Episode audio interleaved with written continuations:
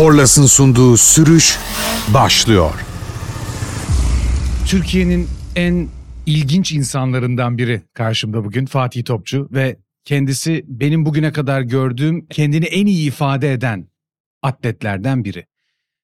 Nasıl düştün bu yollara? Merhaba öncelikle.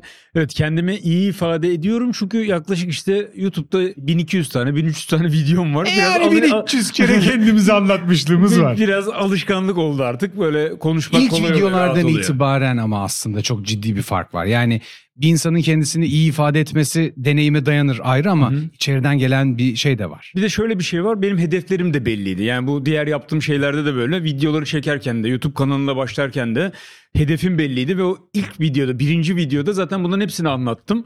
Ve o videoyu izleyenler de şunu diyorlar zaten.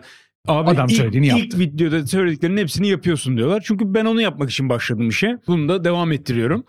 Bu arada evet. Ajans yönetmiş olmanın verdiği bir deneyim de diyelim aslında. Evet, öngörü. 2001 yılından beri aslında ben internet işindeyim. YouTube'lar ya da Instagram'lar yokken ben zaten bu işi yapıyordum. Ajanspor.com diye bir siteyi kurmuştum. Türkiye'nin ilk spor haber sitesi. Ve evet dediğin gibi oradan bir sürü deneyimim vardı. Yani insanların neye tepki vereceğini biliyorum aslında. Ve ona göre insanlara içerik vermeye başladım. Ona göre başlıklarımı ona göre seçtim. Çünkü haberciydik. Yani kimin neyi tıklayacağını çok daha iyi biliyordum açıkçası. Clickbait yaratmadan gerçekten ilgi çekebilmenin yani samimi anlamda başlık yazmanın bir sanatı var. Kesinlikle yaptığınız işler de biraz onunla ilgili aslında. Eğer clickbait evet yapmak istiyorsan onu çok güzel yapabilirsin ama benim yaptığım işte biraz o öyle olmuyor. Çünkü ben zaten içeriği söylediğin zaman öyleymiş gibi algılanıyor. Çünkü biz bir yarışta 3.8 kilometre yüzüp üzerine 180 kilometre bisiklete binip 42 kilometre koşuyoruz üzerine. Zaten bunu duyunca insan bir şaşırıyor böyle bir şey olabilir mi diyor. Ya da bir ultra maratonda 80 kilometre çıkıyorum koşuyorum. Bunu çoğu insan yadırgıyor. Bu clickbait gibi oluyor aslında ama değil. İçerik Ben doğru bir biliyor içerik. olmama rağmen hala yadırgıyorum.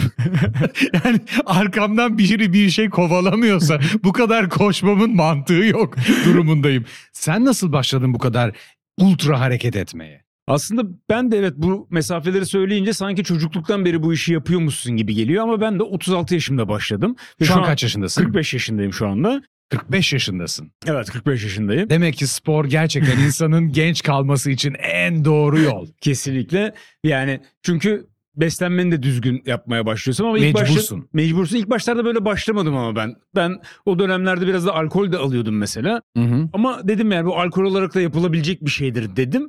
Olmuyormuş. İlk bir senede onu öğrendim. Öyle bir şey değilmiş o.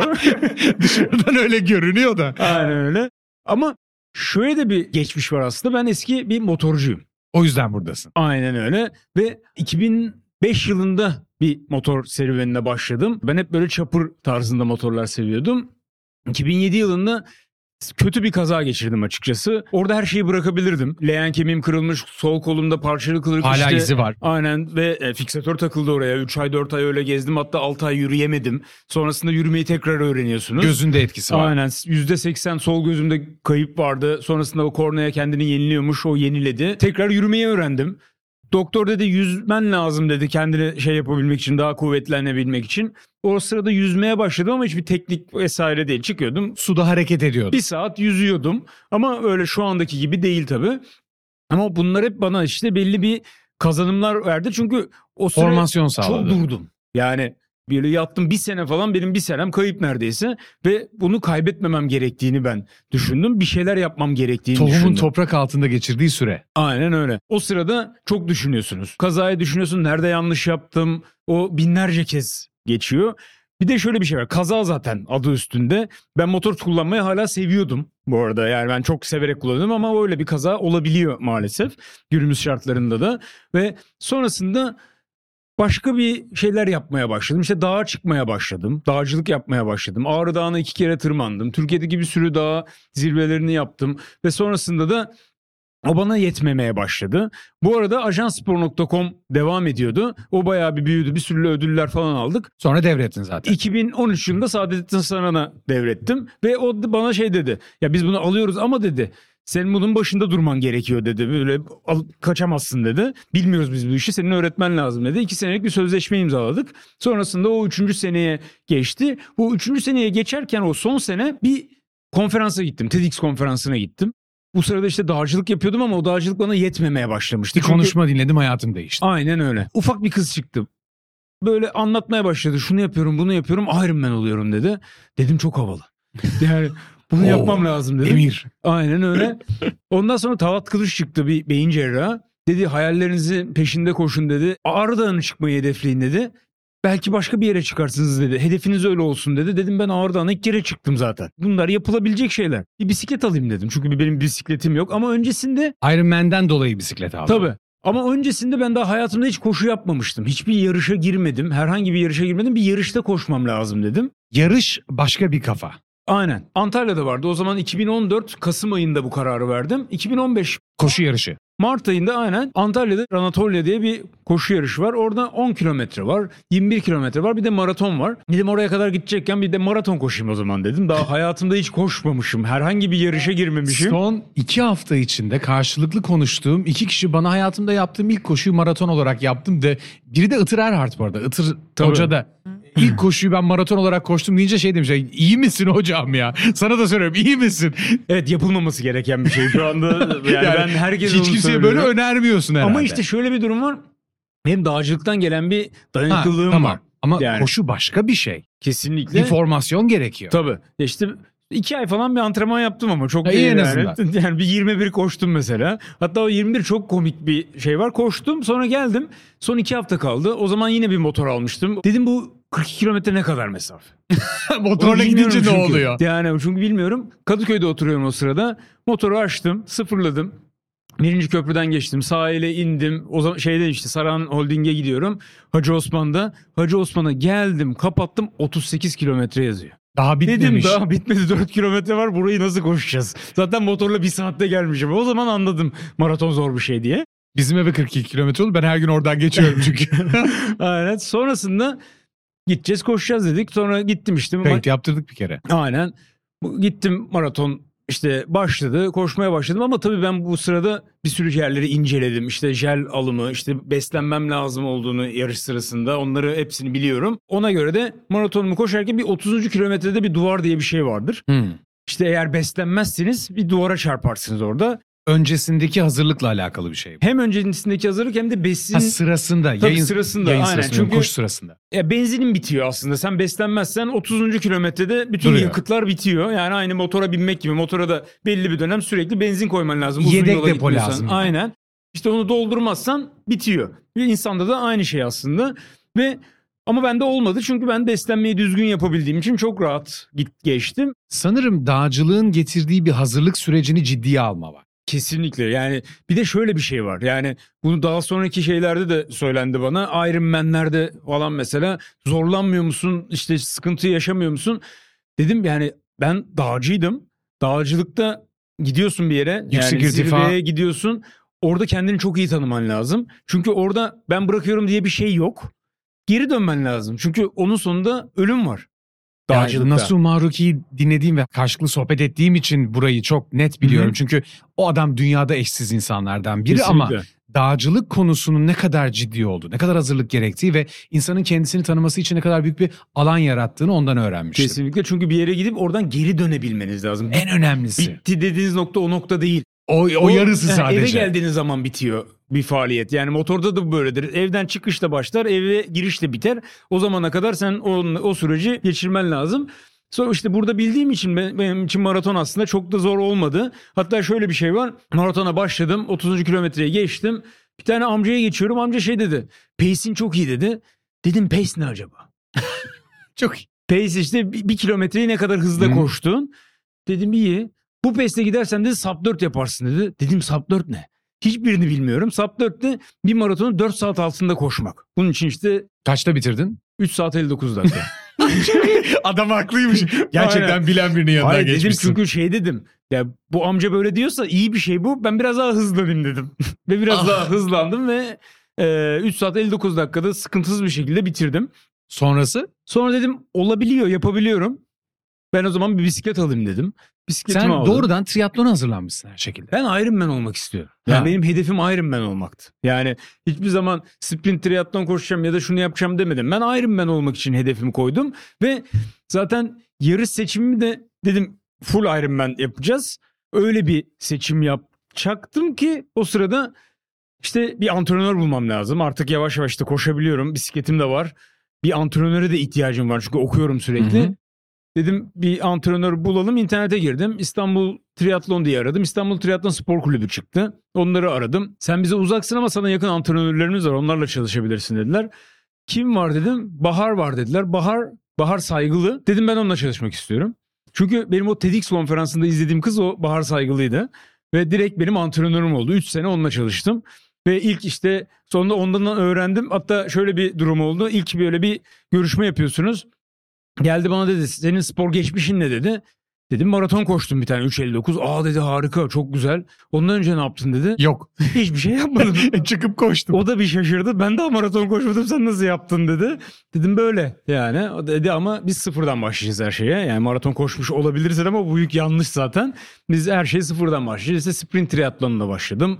Sprint triatlonda herkesin yapabileceği bir mesafe aslında. 750 metre yüzüyorsun. Üzerine 20 bisiklet 20 kilometre. Üzerine de 5 kilometre koşuyorsun. Onunla başladım. Biraz daha hızlı oluyor aslında. Ama ilk triatlon için mesafeler kısa. Ya şu anda yarışsam onu işte bir saatte bitirmek için aslında daha zor Hı hı. e, bir emek harcıyorsun. Patlayıcı gerekiyor. Tabii kesinlikle. Ama ilk ant- şeyin için bitirmek için de güzel bir mesafeler. Mümkün. İlk yarışlarında bitirme hedefli yarışıyorsun. Sonrasında onu bitirdim ve Türkiye'de de ilk defa 2015 yılında benim şansıma Half Ironman yapıldı Antalya'da. O zaman ismi Gloria Ironman'di. İşte ben de ilk orada yaptım Half Ironman'imi. Half Ironman'den bir hafta sonra bir maraton daha koştum İstanbul Maratonu'nu.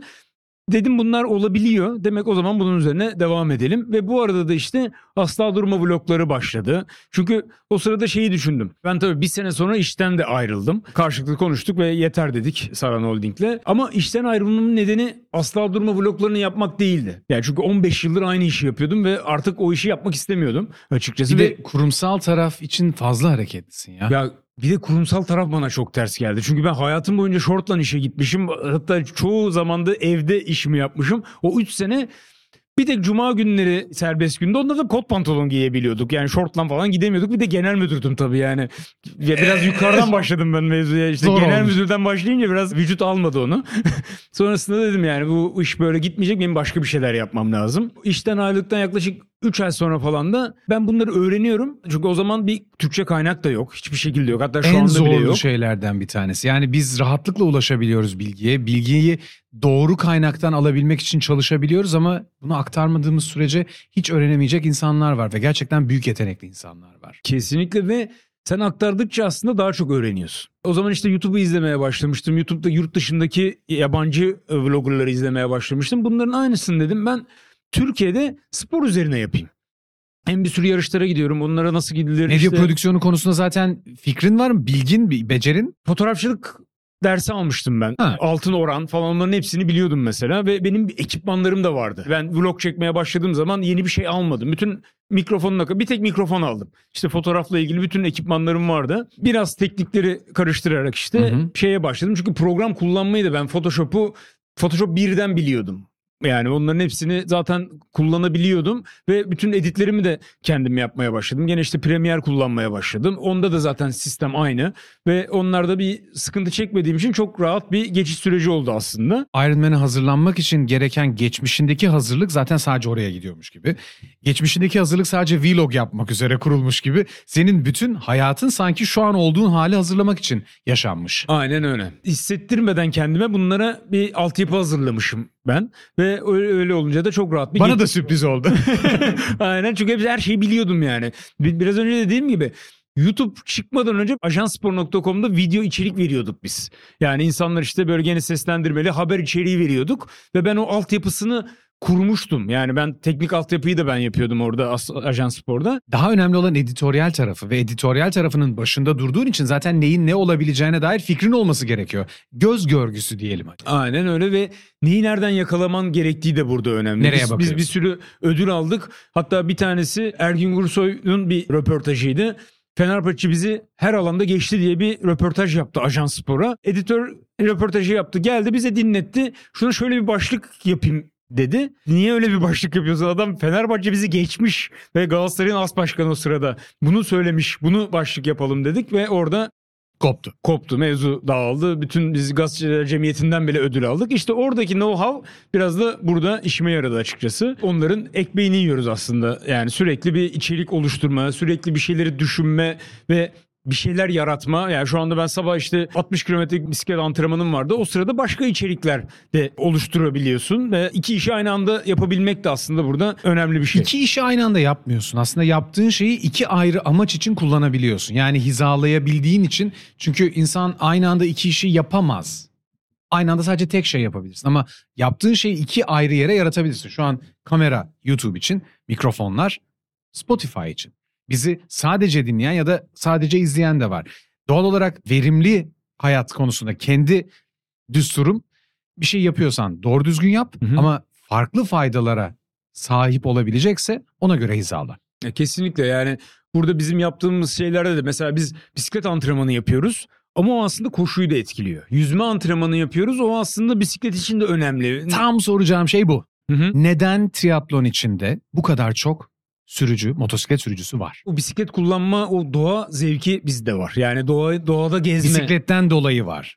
Yani işte motor kullanıcılarında var. Zaten ben Aha. işte Şile'de bütün motor severler oraları da sürmeyi sever. Hatta orada köşede bir kahve vardır. Oraya gidersin orada bir mola verirsin. Eskiden işte orada mola veriyorduk mesela. Ben şimdi bisikletle gittiğim zaman orada mola vermiyorum. Çünkü o zaman yorulmuş olmuyorum Hmm. daha. Yani orada 100 kilometre bisiklete biniyorum. Mesela motoru bırakmamdaki en büyük neden de buydu. Motora zamanımı yetmemeye başladı. Hmm. Motorla gittiğim yerlere de bisikletle gitmeye başladım.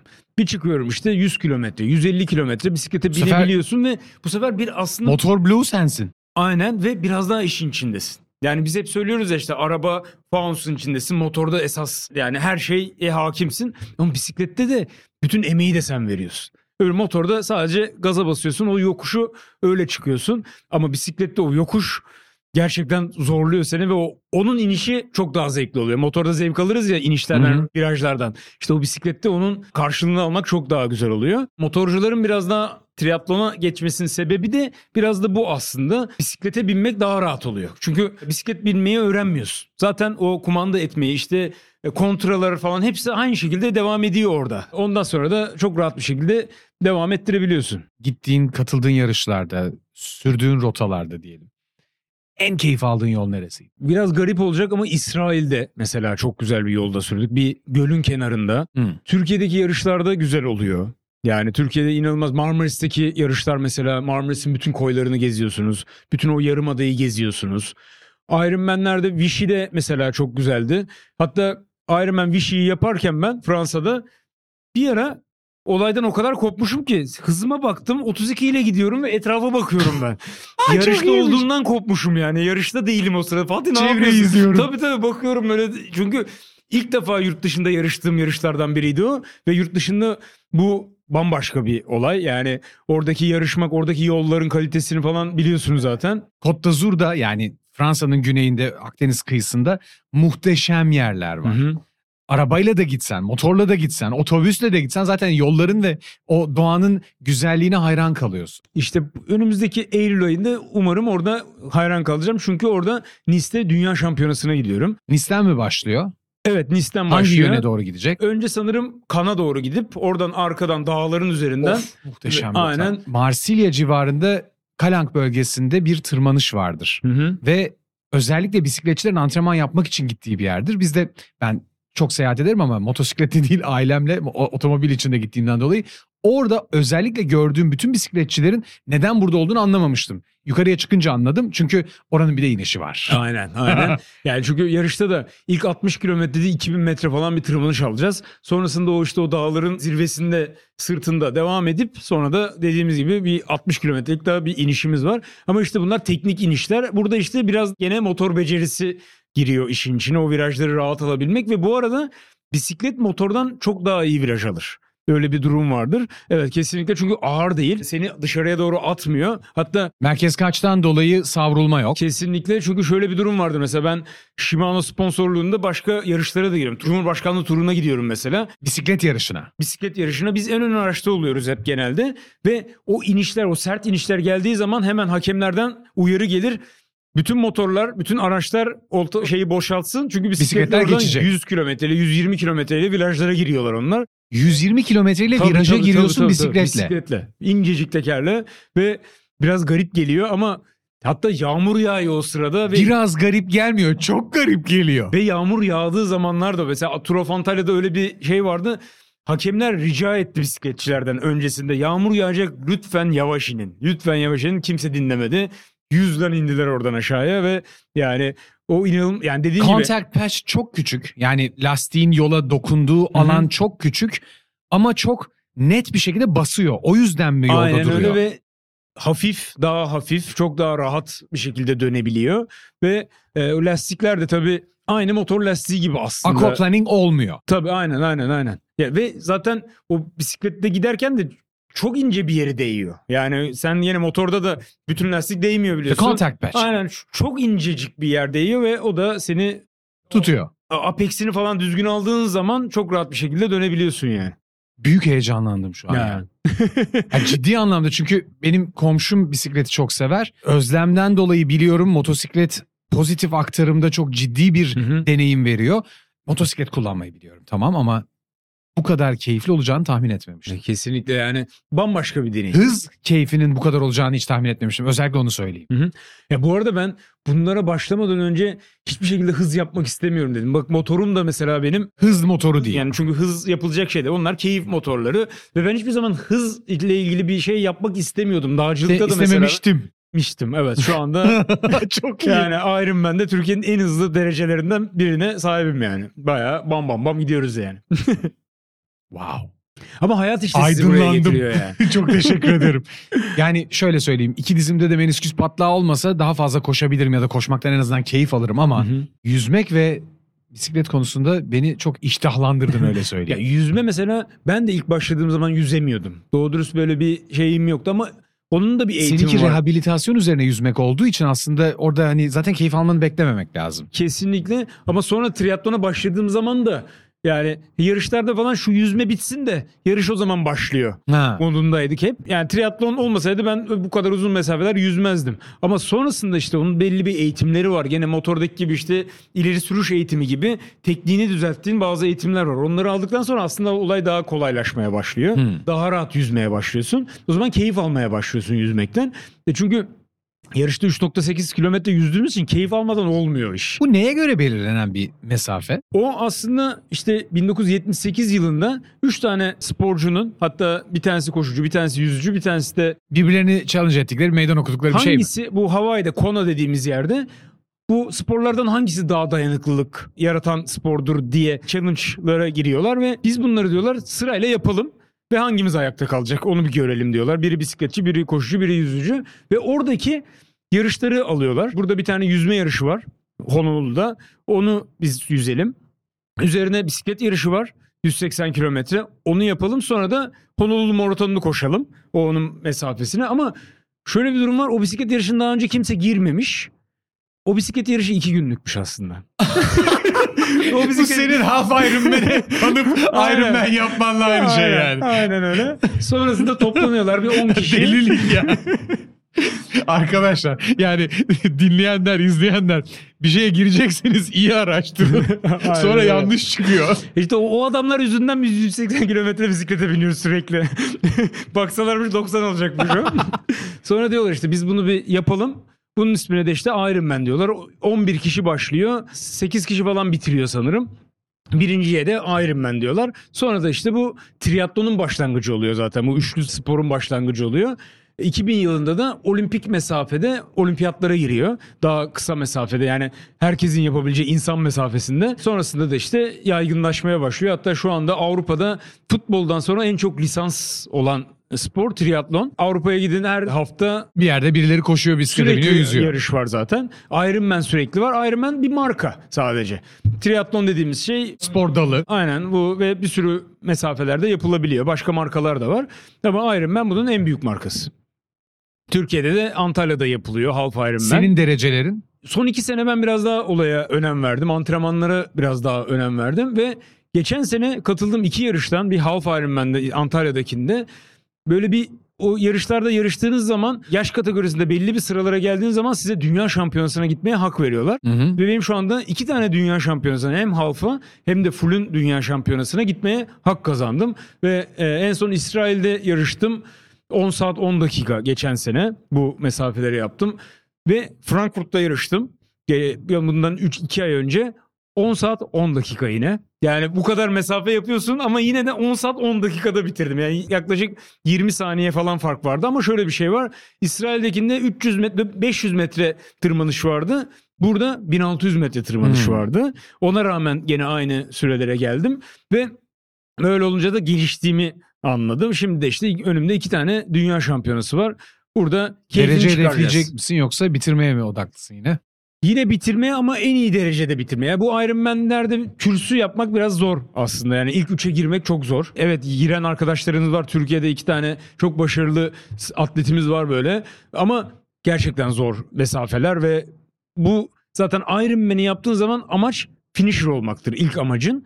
Sonrasında kend- Iron Man olmak deniyor zaten. Aynen ve orada zaten öyle güzel bir finish olur ki Fatih you are an Iron Man diye ve seni biri karşılar orada ve orada onun keyfini çıkarırsın çünkü o yarış yani benim 10 saat 10 dakikalık yaptığım o yarış aslında olayın sonu. Esas o 10 saat 10 dakikaya gelmeden önce yaşadığın o 6 aylık bir yıllık süreç çok önemli. İşte ben dediğim gibi bugün işte 60 kilometre bisiklete bindim üzerine 10 kilometre koştum. Mesela perşembe günü Baba Eski'ye gideceğim. Baba Eski'den arabayı bırakacağım. Sınıra gidip geleceğim yaklaşık 200 kilometre. Hı hı. İşte bunların hep hazırlık süreci aslında seni geliştiren ve sana bir şeyler katan bölüm. bireysel bir yarışa giriyor olmana rağmen, bireysel performans gösteriyor olmana rağmen takım halinde çalışmak da zaten burada birbirinizi desteklemek, ilerletmek, geliştirmek açısından son derece önemli diye görüyorum. Kesinlikle antrenman arkadaşı çok önemli. İşte bu dediğim gibi 5 saat antrenman yapıyorsun bisiklete binip. E bir yanında biri yoksa biraz zor oluyor. Bizim böyle bir ekibimiz var. Sürekli işte onlar da belli bir yerlerde yarışıyorlar. Herkesin yarışına göre herkesin antrenmanları da birbiriyle çakışabiliyor. Ama şu anda mesela ben Perşembe günü tek başıma çıkacağım. Çünkü onlar yarışlarını yeni yaptılar. Ve 5 saat sürmek istemiyorlar tabii ki. o acıyı çekmek istemiyorlar. Ama bir süre sonra o acı işte zevk vermeye başlıyor sana. Peki şu an başka bir hedefin var mı? İşte bunları insanlara çok daha güzel anlatabilmek. Asla durma vloglarında bu deneyimlerimi, onların nasıl yapabileceğini onlara göstermek. Ki ben bu vloglara öyle bir amaçla başlamadım. Sadece işte ben neler yapıyorum onları göstermek için başladım. Ondan sonra yavaş yavaş şeyleri görmeye başladım. O, o videoları izleyerek spora başlayan insanları görmeye başladım. İşte beni zaten asıl gaza getiren bu oldu. Dedim güzel bir Gerçek şey etkiyi gördükten sonra. Kesinlikle yani adam gelmiş bana diyor senin sayende diyor 30 kilo verdim diyor. Bambaşka bir hayatım var şimdi diyor. Sana çok teşekkür ederim diyor. Yani bir insana iyi bir şey söylemek çok öyle Türk insanın şeyi değildir aslında. İyi söylemeyiz evet. Söylemeyiz biraz daha kötü yermeyi severiz ama bu insanlar gelip bana yolda çevirip teşekkür ediyorlar. Ve şey diyorlar zaten sen bizim evde, evde sürekli yaşıyorsun diyorlar. İşte eşiyle beraber geliyor. Seni, sürekli senin sesin var evde diyorlar. Ve işte onlara bunları anlatabilmek, bunlara böyle bir fırsatım olması aslında benim için güzel. Ve şu anda da işte yurt dışındaki yarışları göstermek. Orada bakın olay nasıl dönüyor. Bu nasıl Onları yapılıyor? Aynen. Yurt dışındaki insanlar nasıl şey yapıyor? Orada nasıl bisiklete binilebiliyor? Orada nasıl insana aslında değer veriliyor? Çünkü biliyorsun Türkiye'de hem motor hem bisiklet biraz geri planda kalıyor araç e, trafikte. Yurt dışında böyle değil. Yurt dışında sen bir numarasın aslında. Çünkü senin daha çok korunmaya ihtiyacın var ve araçlar da bunu sana en en iyi şekilde veriyor. Hakkını verelim. Son yıllarda özellikle son 5 yıl içinde trafikte motosikletli ve bisikletlilere olan saygı ve koruma zaten sen ben bir otomobilin içinde bindiğimiz zaman nasıl davranıyorsak onunla birlikte gittikçe daha iyileşmeye başladı. Tabii ki beklediğimiz istediğimiz yerde değil. En son 2021 yılında yaptığım kazayla motosiklet hayatımda çok önemli bir sekte aldım ama benim yaşadığım kazada olan şey sürücünün saygısızlıktan öte bilgisizliğiydi. Çevredeki bütün sürücülerin gelişebilmesi için ne yapmak lazım? Bizim yaptığımız şeyi yani anlatmayı, ifade etmeyi, göstermeyi geliştirmek gerekiyor değil mi? Kesinlikle yani bunu ehliyet alırken bunları bilincine varmaları lazım. O senin dediğin o iyileşme süreci de şeyden oluyor zaten. O sürücüler bisiklete binmeye başlıyor ya da motosiklete binmeye başlıyor. O zaman diyor bak bunlar böyle kötü şeyler yaşayabiliyorlar diyor mesela ve o zaman sana daha saygılı davranmaya başlıyor. Mesela ben bir bisikletli gördüğüm zaman sert yani tehlikeli bir yerdeyse hemen dörtlerimi yakıyorum. Onu koruyarak geçiyorum mesela oradan. İşte bu bilinçle ilgili bir şey. Ben Uskumruköy'de oturuyorum ve bizim oralar zaten sürekli bisikletçilerin antrenman yaptığı bir bölge olduğu için yollar da dar olduğu için bunu bilmeden hareket etmek ya biz burada yavaşlıyoruzun dışında hiçbir şeye neden olmuyor. Kesinlikle. Ya işte biz daha çok buralarda sürersek zaten bunlar alışılmaya başlanacak. İşte biz gidip bir yerlerden kaçmamamız lazım. Motosiklette de aynı ki insanlar görsün. Biz yarışları gene şehrin içinde yapmamız lazım ki insanlar aa bu ne desin bundan bunlar niye böyle bir şeyler yapıyor desin düşünsünler. Böyle de insanların olduğunu görsünler. Ya çünkü ben evet antrenman yapıyorum.